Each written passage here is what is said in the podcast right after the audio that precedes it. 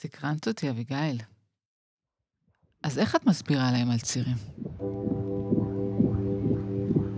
באות לעולם. אביגיל גורן ומיכל רוזן, דולה ומיילדת, מדברות על הריון ולידה.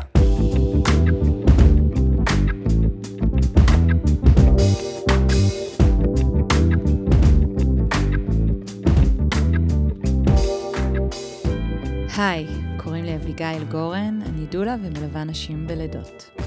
ואני מיכל רוזן, אחות, מיילדת, ואתן מאזינות לבאות לעולם, שיחות על הריון ולידה. אחד הדברים שאני אוהבת במפגשי הכנה עם זוגות, לשוחח עמם על צירים. בהתחלה אני מזהה את החשש מהצירים. בכל זאת, צירים זה ככה מתויג, יש איזה סטיגמה לא משהו. אבל עם ההסברים והשיחה, אני גורמת להם להסתכלות אחרת לגמרי. באופן שהם כבר ממש סקרנים לחוות את הצירים ולהתנסות בתחושות שהם יביאו. יש לי מלא מה לומר על צירים. בואי נדבר על צירים. סקרנת אותי, אביגיל.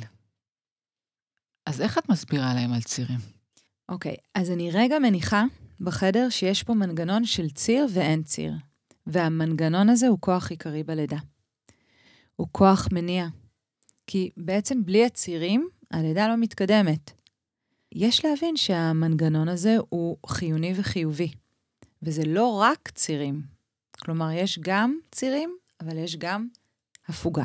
ובעצם ברמה הטרמינולוגית, אני לא באמת ממציאה משהו, משהו חדש, אבל זה רק לעזור להם להכניס את זה לתודעה, שציר ואין ציר זה דבר נחוץ וחיובי. ואז אני שולחת את האימא לסוג של הבנה שתהפוך אולי אפילו לאיזושהי מנטרה בשבילה במהלך הלידה. טוב לי הצירים האלה, הם מקרבים אותי, הם מקדמים אותי למפגש עם סוף הלידה ועם התינוק שלי. אני רוצה שהצירים יהיו ארוכים ויותר דחופים. הנה בא עוד ציר, מעולה, אני מתקדמת. ממש ככה לגרום לאימא לעשות סוויץ' באיך שהיא חושבת על צירים. ושאולי אפילו תתאהב ברעיון. כלומר, את מנסה לתת מסגרת אה, מושגית אחרת. כן, אני מנתקת את זה רגע מהפיזיולוגיה, נדבר על זה אחר כך. אני באמת לוקחת אותם לסוג של שיח שיכול לעזור להם אחרי זה ברמה המנטלית להתמודד עם זה. אה, אתן לך לדוגמה.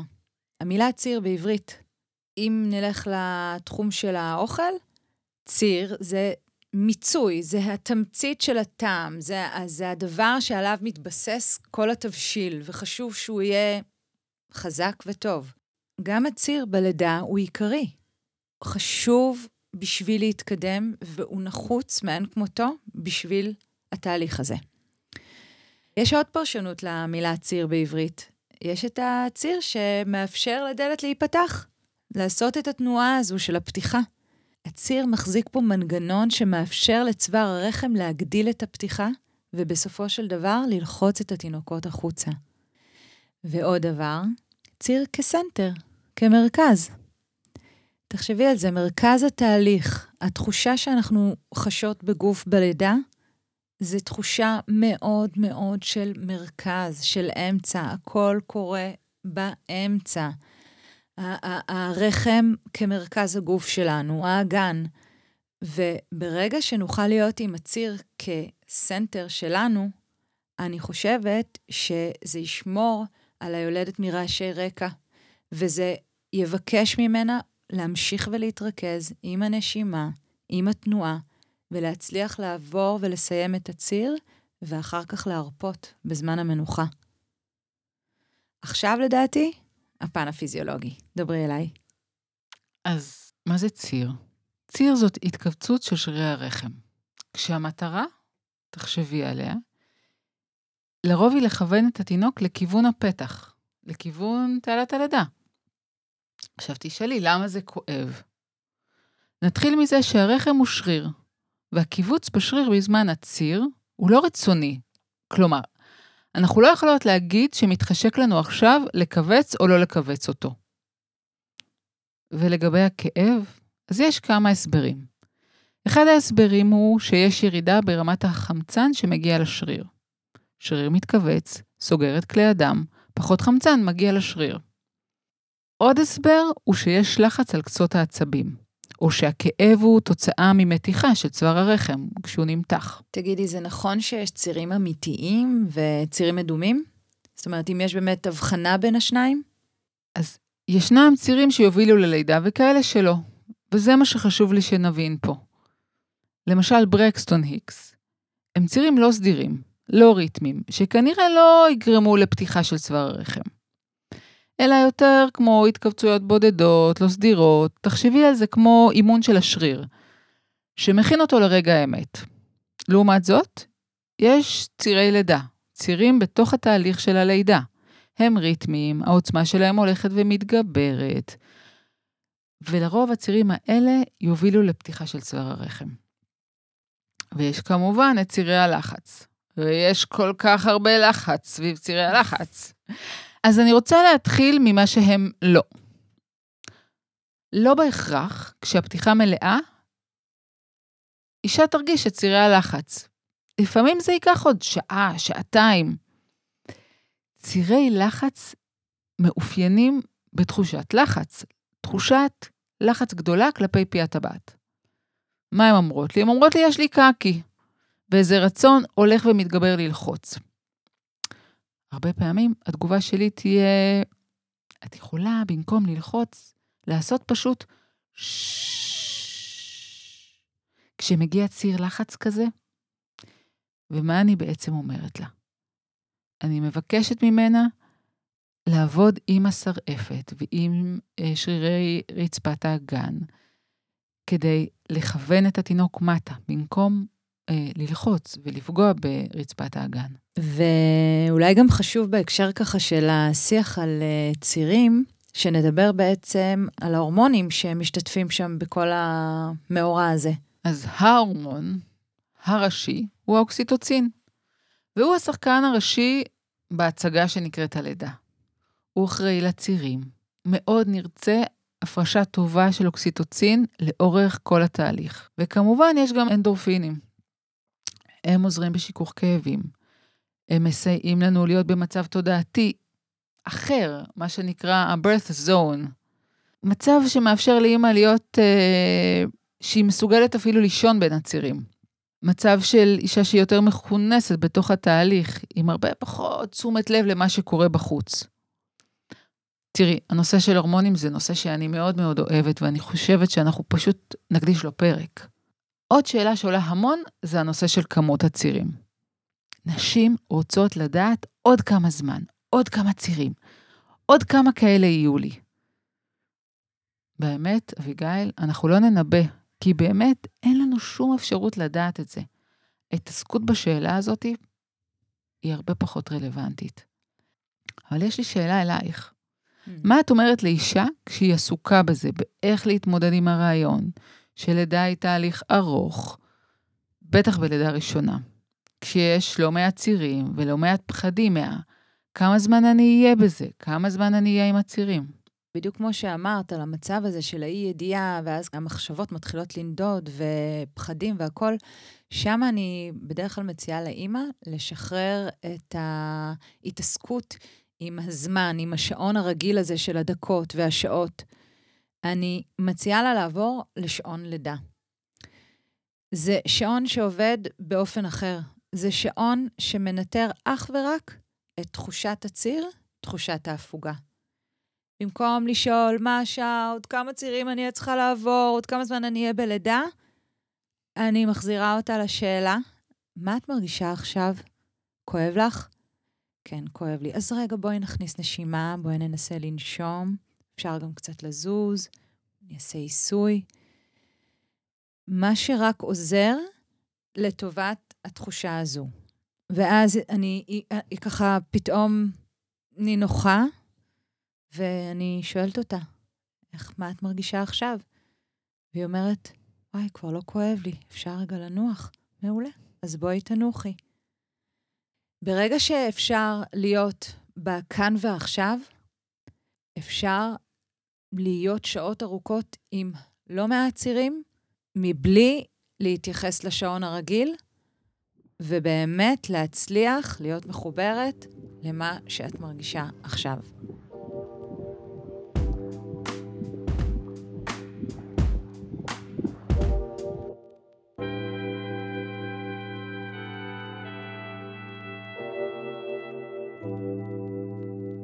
זה לוקח אותי לספר Spiritual Midwifery, או בתרגום שלו לעברית, אה, מילדות רוחנית.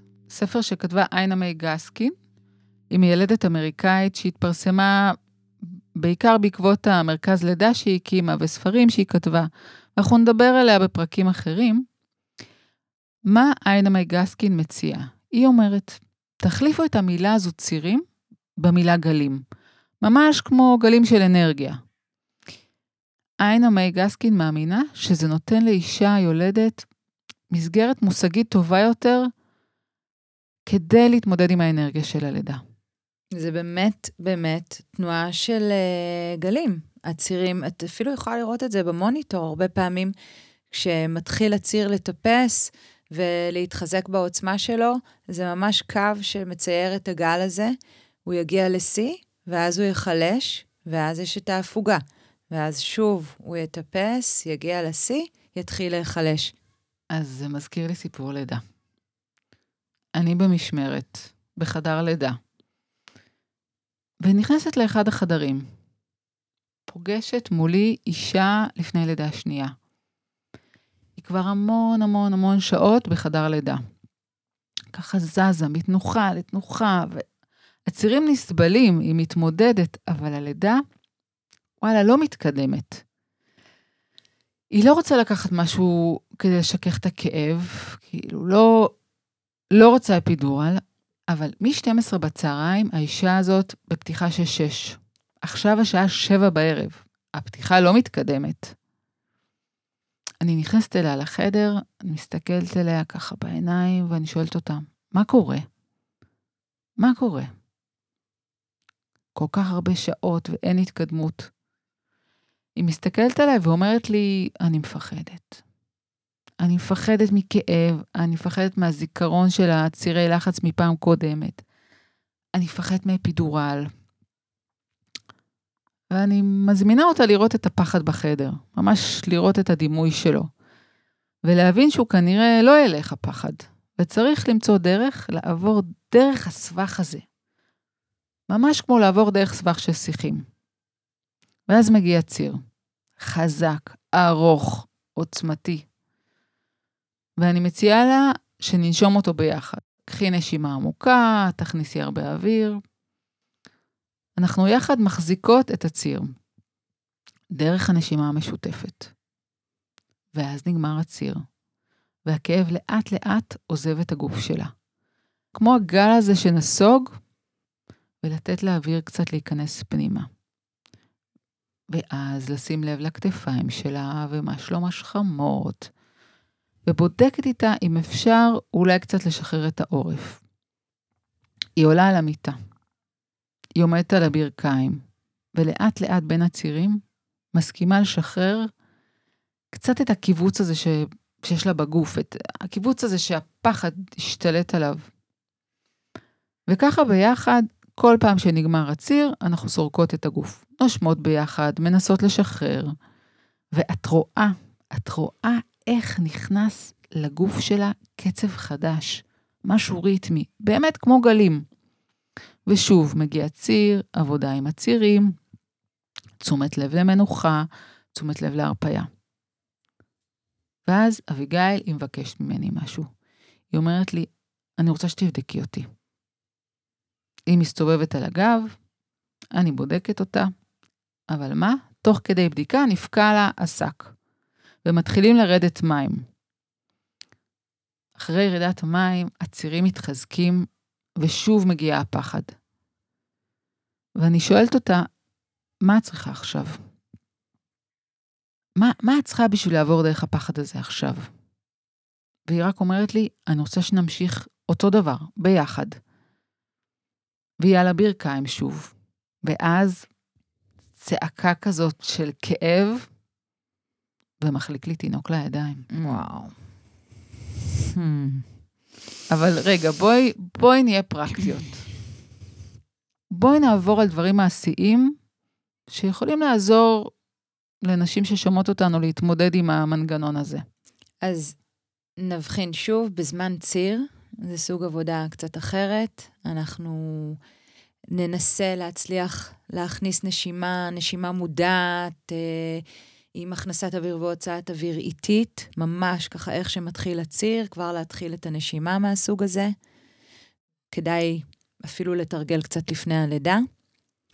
יש אפשרות uh, לייצר תנועה בזמן הציר, אפילו שהאינסטינקט הוא להתכווץ ורגע אולי גם לא לזוז, אבל התנועה מביאה איתה איזושהי שחרור אנרגיה, והיא הרבה פחות מעידה על תקיעות. תשמעי, יש עוד את המים, כניסה למקלחת, כריות חימום, יש דברים כמו מכשיר טנס שיכול לעזור, בקבוק חם.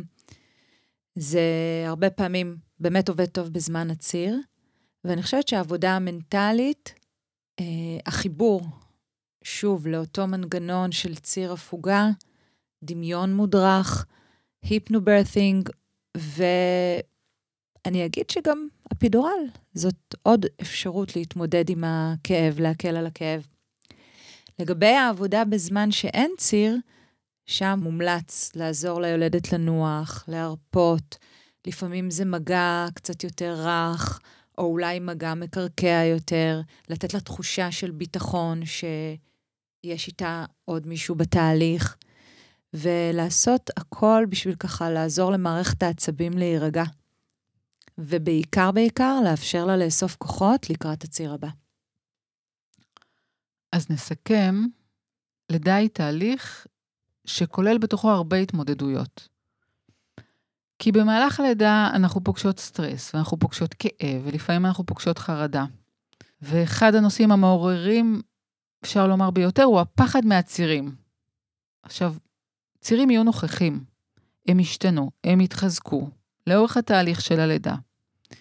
וככל שתהיה התקדמות, כנראה שזה גם יכאב יותר. ומשהו שחשוב להבין, אנחנו לא נוכל למנוע את הכאב. אנחנו נוכל לצמצם את הסבל. אפשר ללכת לקורסים, אפשר להכין את עצמך לעבודה הזאת עם הצירים. אבל, ופה מגיע האבל, ככל שאישה תסכים להרגיש את התחושות, כך היא תדע מה עוזר לה עם הצירים, מה עובד בשבילה, עם הגוף שלה ובלידה שלה. אנחנו עוד uh, מציעות לנשים בעצם להתבונן על המנגנון של צירי לידה ממקום סקרני, מתוך הבנה שהציר הזה פותח את הדלת עבור התינוק ומקרב אותה אליו. תרחיבי את נקודת המבט למנגנון שלם של ציר הפוגה, ציר הפוגה ולא עוד הציר לבדו. תחווי את התנועה הזו כחיים, כמו שהלב פועם.